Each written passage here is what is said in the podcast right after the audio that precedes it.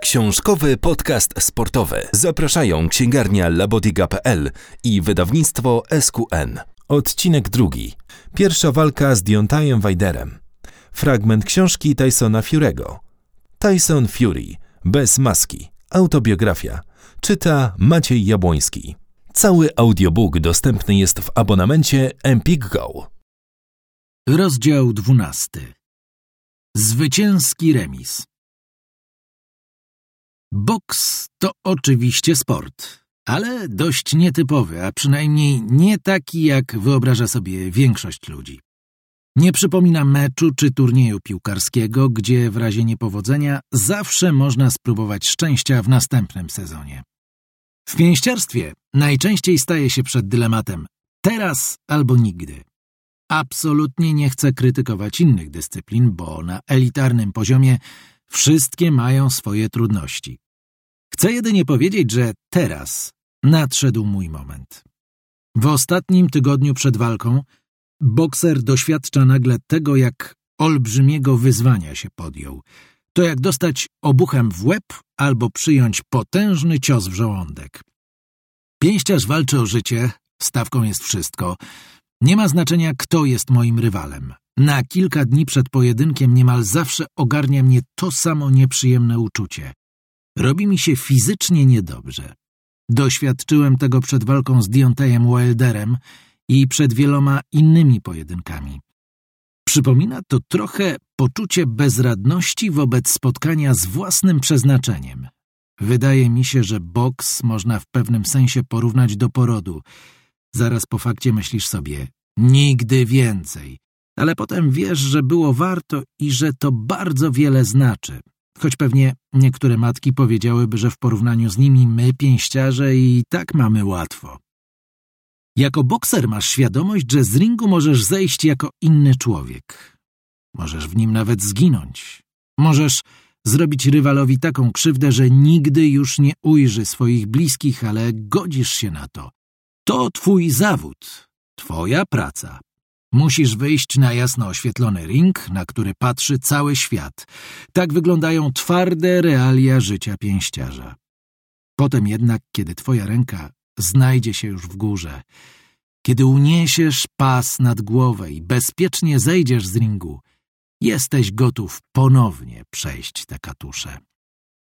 Okres poprzedzający dużą walkę, obowiązki medialne, pompowanie balonika, wyczekiwanie na chwałę lub klęskę – a potem dwanaście rund właściwego starcia, emocjonalnie i fizycznie wyczerpują do cna. Właśnie dlatego większość pięściarzy zaraz po pojedynku jedzie na wakacje. Po tak intensywnym okresie trwającym od początku obozu przygotowawczego do końcowego gongu po prostu potrzebują przerwy. Przez dwanaście tygodni napiętych przygotowań – Zawodnik spędza mnóstwo czasu w towarzystwie ludzi ze swojej ekipy, w poczuciu całkowitego braterstwa, a potem następuje samotna walka w ringu. Otoczony linami kwadrat jest miejscem, w którym nie ma litości. Nie ma się gdzie schować, nie ma nikogo, komu bokser może podać piłkę, nikogo, kto zapewniłby mu nieco wytchnienia. Wszystko zależy od ciebie. I choć nie możesz myśleć o tym ani przez moment, tak naprawdę w każdej chwili możesz zostać pozbawiony przytomności i już nigdy nie być taki sam. To ryzyko podejmuje każdy bokser. Zabiera ze sobą na ring wszystko, co ma. To dlatego wielu pięściarzy paranoicznie podchodzi do tego, kim się otaczają. Zachodzą w głowę, komu faktycznie na nich zależy, bo w końcu to oni narażają swoje zdrowie na szwank. Ostatecznie to tylko biznes i tych spraw nie można brać do siebie. Potrzebowałem dużo czasu, żeby to zrozumieć i zaakceptować. Każdy robi to, co musi, by ten biznes działał na jego korzyść. Człowiek szybko się uczy, że bardzo, ale to bardzo niewiele osób może zaliczyć do grona swoich prawdziwych przyjaciół. W dniu pojedynku, gdy nadchodzi moment, w którym trzeba przejść przez liny, Niewielu ludzi ma w sobie tak wielką pewność siebie jak ja, ale nawet ja jestem tylko człowiekiem. I na kilka dni przed starciem z Wilderem napadły mnie myśli, które kiedyś miewałem tak często. Walka była tuż, tuż. Poczułem, że nie da się zawrócić z tej drogi, że teraz chodzi już wyłącznie o zwycięstwo lub porażkę. Może i Wilder dysponował najmocniejszym ciosem na świecie, ale ja nie obawiałem się ani knockdownu, ani nawet knockoutu, bo takie rzeczy mogą wydarzyć się też na sparingu i nie mają żadnego znaczenia. To po prostu nieodłączny element boksu. Stawką w tej grze była moja przyszłość. Mój dorobek bez ani jednej porażki, a ostatecznie również to, żeby zejść z ringu bez uszkodzeń mózgu. Ktoś może pomyśleć, że przyznając się do tego okazuje słabość, ale takie są właśnie realia życia każdego pięściarza. Jeśli chodzi o kontakty z mediami w tygodniu poprzedzającym walkę, a także o panowanie nad własnymi oczekiwaniami i lękami, trzeba się oprzeć na wierze w samego siebie i psychicznej odporności. Musisz sobie przypomnieć, kim jesteś i co potrafisz. Wydaje mi się, że pod tym względem nie mam sobie równych.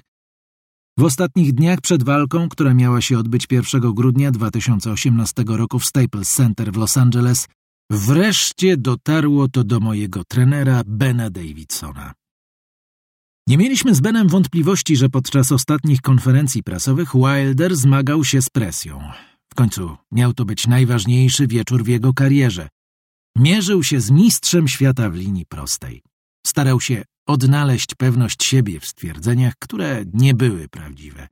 Mówił na przykład, że nie podołałem warunkom panującym w Big Bear oraz że w 2015 roku nie wygrałem uczciwie z Władimirem Kliczką. Uważał, że sędziowie niesłusznie przyznali mi tamto zwycięstwo. Wilder nigdy wcześniej nie musiał działać pod wpływem takiej presji, bo byłem zdecydowanie najgroźniejszym ze wszystkich jego rywali. Byłem absolutnie przekonany, że mogę zafundować światu bokserski wstrząs roku, a przy tym czułem się na tyle pewnie, by przyznać na głos, że moim zdaniem Wilder jest niesamowicie niebezpieczny. Im mniej czasu pozostawało do walki, tym bardziej te emocje zapewniały mi poczucie spokoju, łagodne opanowanie, które zajęło miejsce obaw. Już nie było mi niedobrze. Teraz byłem w pełni przekonany, że nie ma na świecie człowieka zdolnego uporać się z tym, co pokaże w ringu. Co zrozumiałe członków mojej ekipy, nachodziły obawy.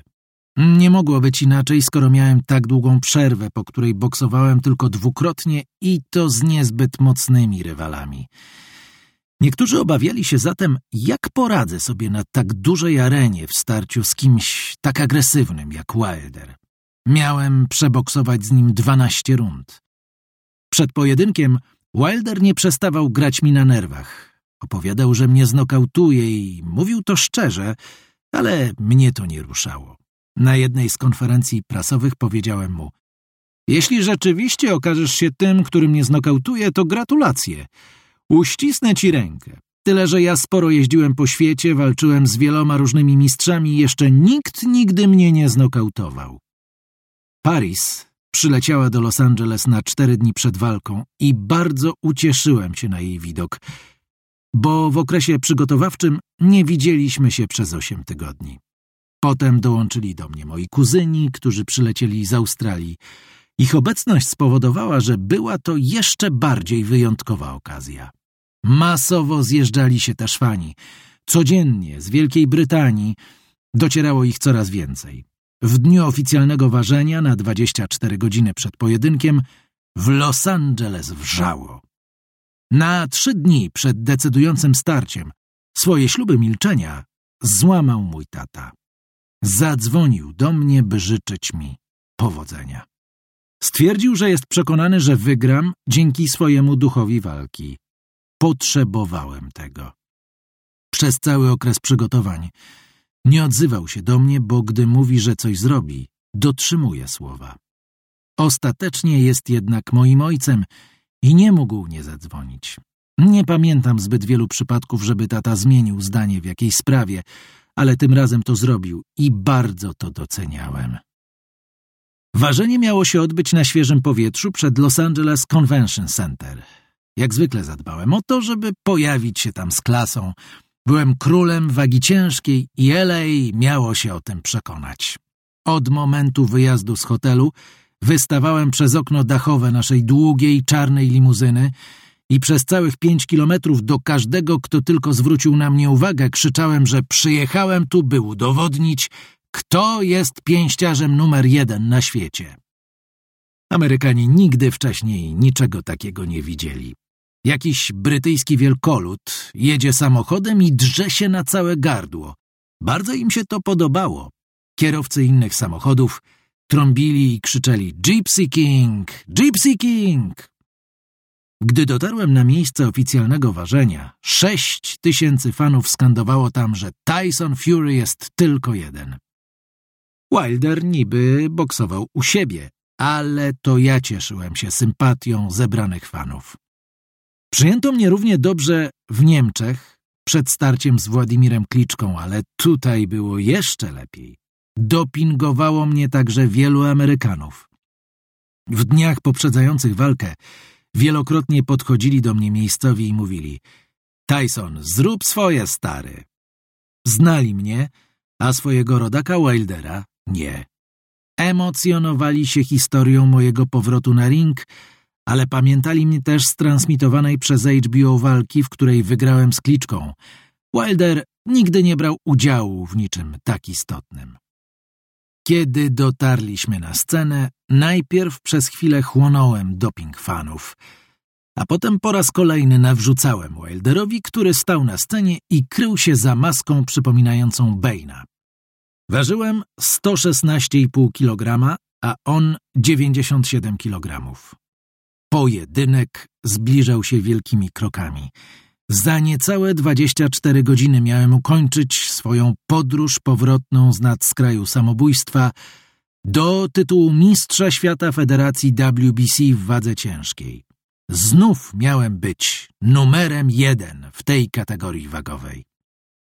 Gdy wieczorem szykowałem się do spania, wyszedłem na balkon i spojrzałem na wzgórza Hollywood. Rozmyślałem o tym, jak daleko udało mi się zajść w tak krótkim czasie. Myślałem również o czekającym mnie zadaniu w osobie Deontaya Wildera, który wygrał przed czasem z każdym rywalem, z jakim się mierzył. Wierzyłem, że Bóg nie pozwoli mu podtrzymać tej passy.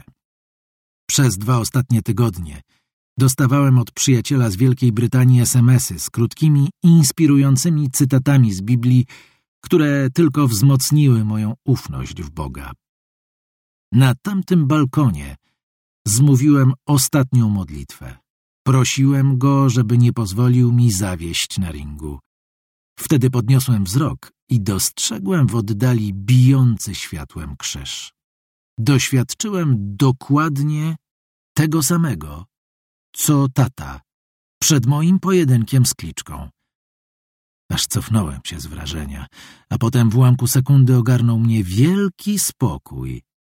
Nigdy w życiu nie spałem lepiej niż tamtej nocy, a gdy obudziłem się 1 grudnia, nie miałem nawet cienia wątpliwości co do tego, że wypełnię swoją misję.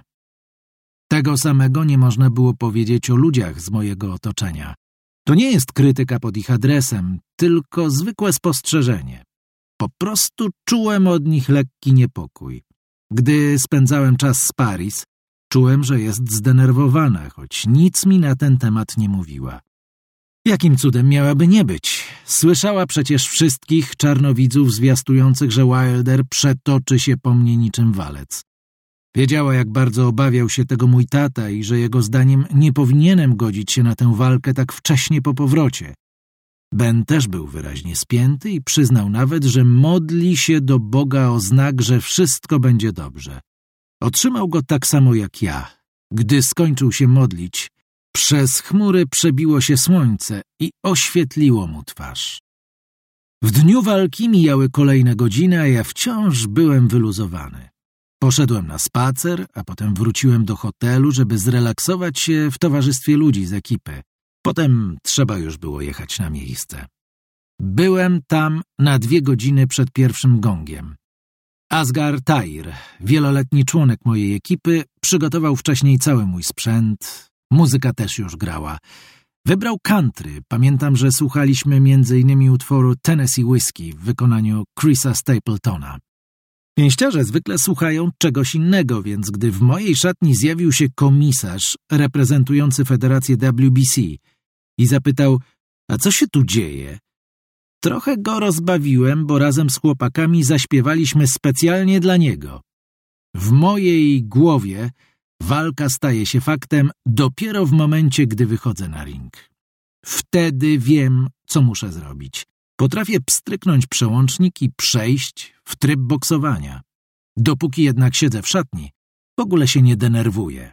Czekając na pojedynek z Wilderem, czułem się całkowicie gotowy, więc bimbałem sobie i nasłuchiwałem wezwania. W domu w Manchesterze tata przeżywał to zupełnie inaczej. Zamartwiał się, że wrócę z LA jako inny człowiek, ale mimo to wykupił transmisję w BT Sport. Z jakiegoś powodu jednak nie mógł ustawić kanału, na którym pokazywano walkę. Zaczynał się wkurzać, bo próbował wszystkiego, ale nic nie pomagało. Na szczęście o drugiej trzydzieści w nocy nadszedł ratunek. Zadzwonił do niego Otia, brat mojej mamy, żeby zapytać, jak jego zdaniem mi pójdzie. Zaprosił tatę do siebie, żeby obejrzeli pojedynek razem. Ojcu nie trzeba było powtarzać dwa razy. Wskoczył do auta i pokonał czterdzieści kilometrów, byle tylko nie spóźnić się na pierwszą rundę. Nie wiedział jeszcze, że to nie koniec dramatów. Przed samą walką odbyłem krótką rozmowę z Benem, po czym położyłem mu dłonie na ramionach. Powiedziałem, że zamierzam bez słowa sprzeciwu stosować się do jego wskazówek. Potem członkowie ekipy, Tim Alcock, mój przyjaciel, który na obozie treningowym pełnił obowiązki kucharza, Shane, mój brat, Ben, mój trener, Asgar i Isaac Lowe, mój przyjaciel i partner treningowy, zmówili grupową modlitwę. Wreszcie rozległo się pukanie do drzwi. Nadszedł czas. Czułem, jak w szatni rośnie napięcie. Zaintonowałem więc okrzyk We are Spartans. Jesteśmy Spartanami. Na koniec Shane wrzasnął mi do ucha. Czekałeś na to całe swoje życie. Urodziłeś się po to, by walczyć na pay-per-view w Ameryce. Nadszedł twój czas. Rozbrzmiała muzyka, do której miałem wychodzić, a ja zacząłem skandować Fury's on fire, Wilder is terrified, Fury's on fire. Fury idzie za ciosem, Wilder jest przerażony, Fury idzie za ciosem. Zmierzając w kierunku ringu z wysoko uniesioną głową, chłonąłem atmosferę i czułem, że zewsząd mogę liczyć na wsparcie fanów. Potem przeszedłem nad linami. Większość pięściarzy schyla się i przedostaje między nimi, ale gdy masz ponad dwa metry, zdecydowanie łatwiej jest przejść górą. Stanąłem na środku i czekałem na Wildera, przypominając sobie, że Bóg nie po to pozwolił mi wrócić, żeby mnie teraz opuścić.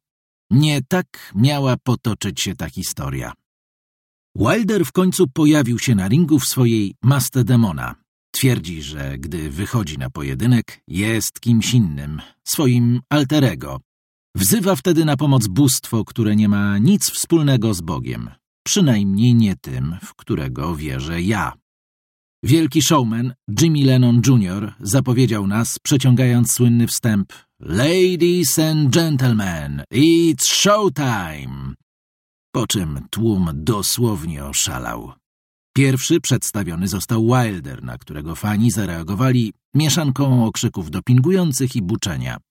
Potem zaprezentowano mnie i nie było wątpliwości, kto ma więcej kibiców. Fani wrzasnęli na moją cześć, a ja wrzasnąłem do kamery. To wyjątkowe uczucie. Znajdować się tysiące kilometrów od domu i mimo to mieć tak energicznych fanów. Rozległ się gong i zaczęliśmy walkę. Starałem się lżyć Wildera i wybijać go z rytmu, ale czułem na gardzie potęgę każdego zablokowanego ciosu. Oczywiście słyszałem wcześniej, że dysponuje atomowym uderzeniem. Wiedziałem też, ile swoich pojedynków zakończył przez nokaut, ale nie byłem pewien, na ile zabójcze są te jego uderzenia. Cóż, właśnie się przekonałem.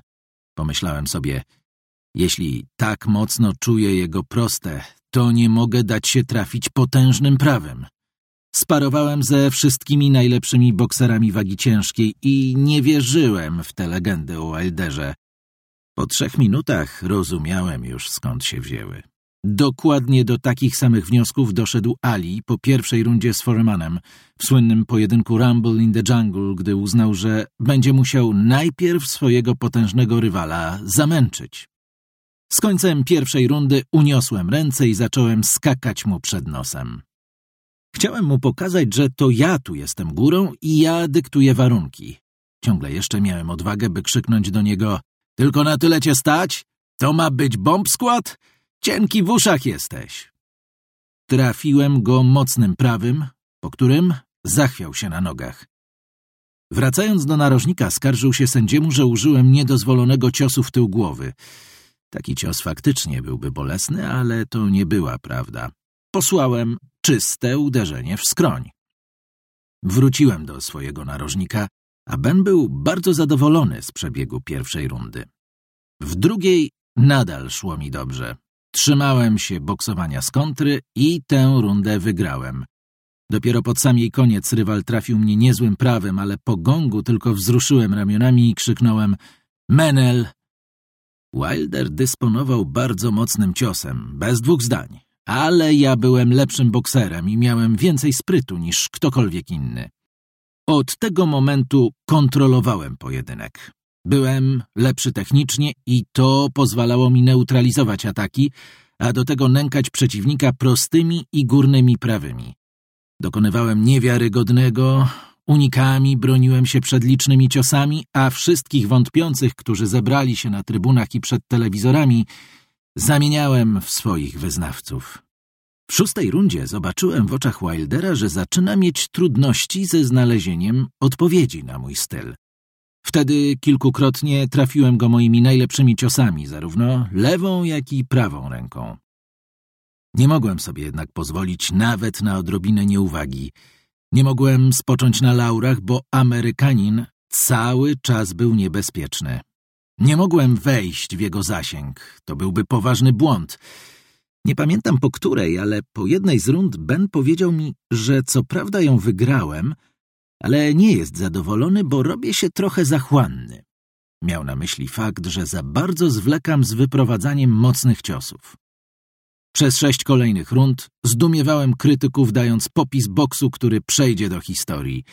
Nabierałem coraz większej pewności siebie i czułem, że Wilder z każdą rundą robi się coraz bardziej zdesperowany. Pomimo knockdownu w dziewiątej odsłonie, gdy Wilder trafił mnie za uchem, nic mi nie było – Miałem poczucie, że wychodzę zwycięsko z niemal każdej wymiany. Wiedziałem, że jestem o krok od jednego z największych powrotów w historii. Z końcem dziesiątej rundy wrzasnąłem. No dalej, jestem królem cyganów i to ja będę zwycięzcą. To zwycięstwo musiało jednak zaczekać. Dwie rundy później leżałem na plecach. Wilder odpalił jeden ze swoich potężnych prawych, potem poprawił lewym sierpowym i poleciałem na deski. Sędzia zaczął mnie liczyć. Wilder stał już tyłem do mnie i tańczył swój taniec zwycięstwa, przekonany, że to koniec. Było już po mnie. Pięć sekund później mój powrót znów był możliwy. Ciemność ustąpiła światłu. Wstałem. Cokolwiek działo się w moim życiu, wszystko było mi pisane. Najwyraźniej miałem paść na deski w starciu z Wilderem i miałem się z nich podnieść. Tak, rywal trafił mnie celnie i mocno. Brawa dla niego.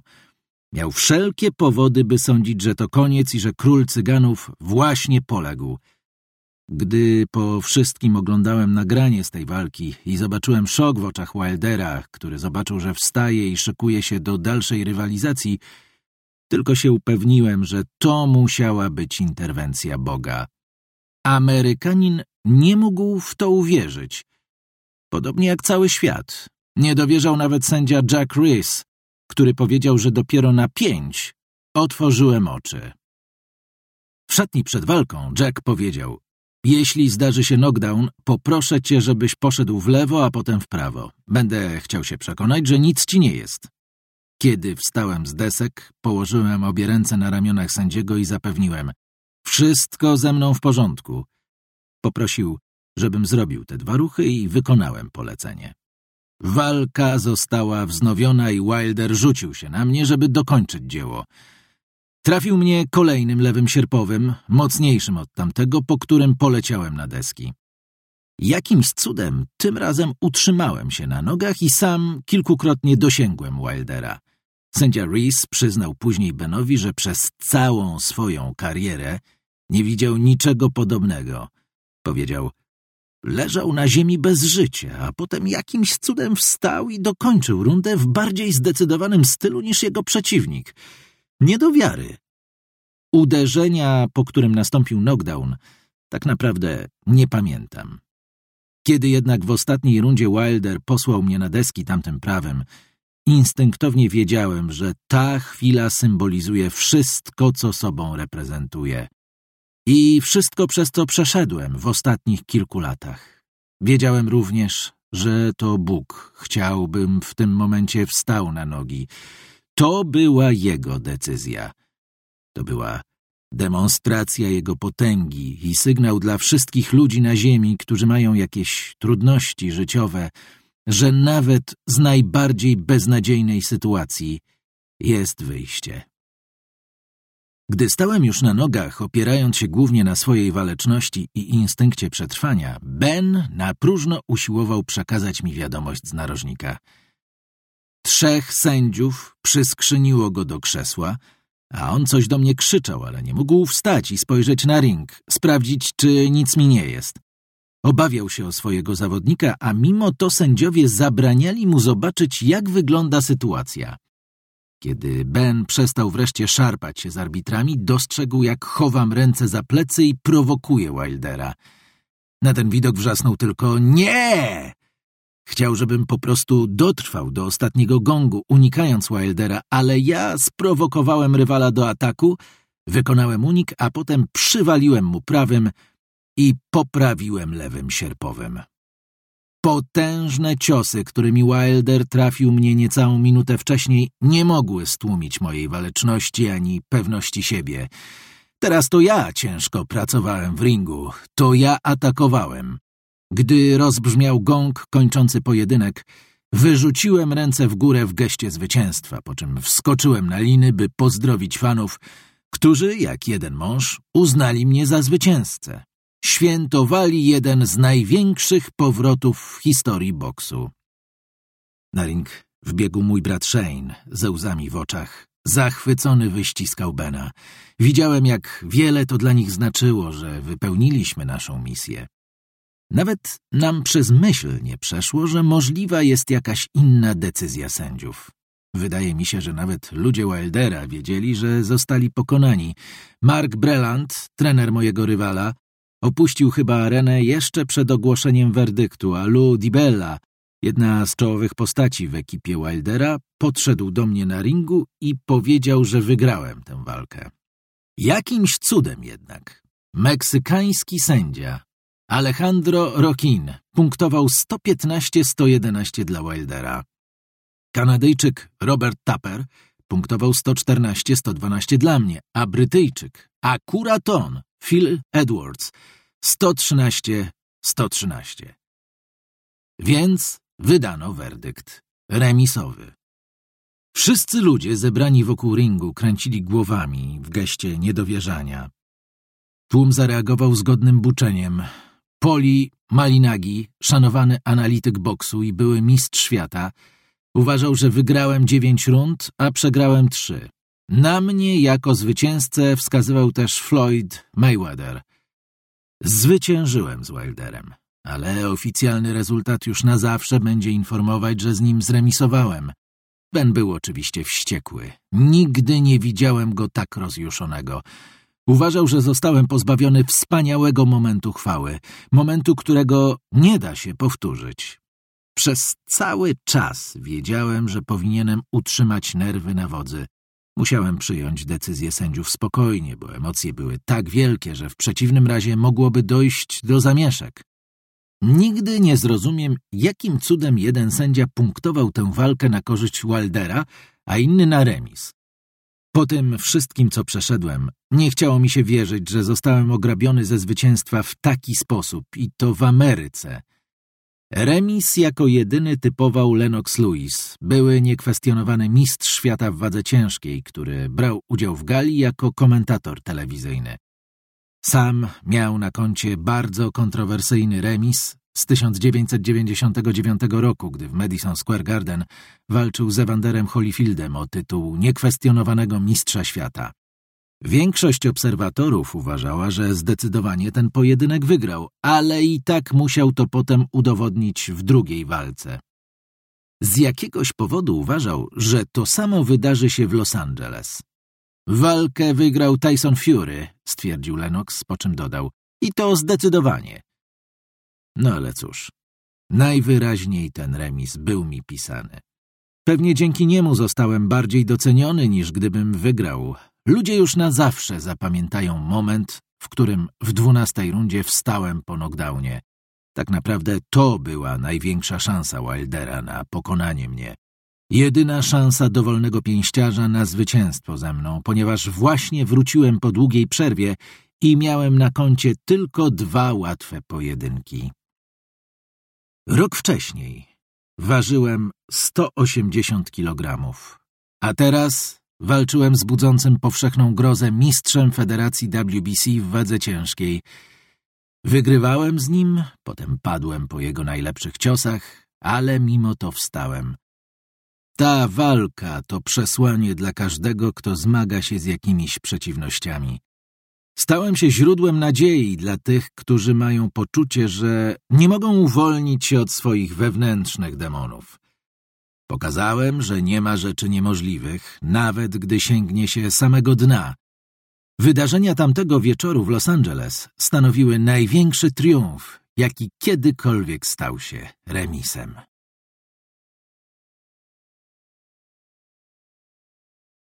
Książek sportowych szukaj na labotiga.pl. Labotiga.pl. Największa księgarnia sportowa w internecie.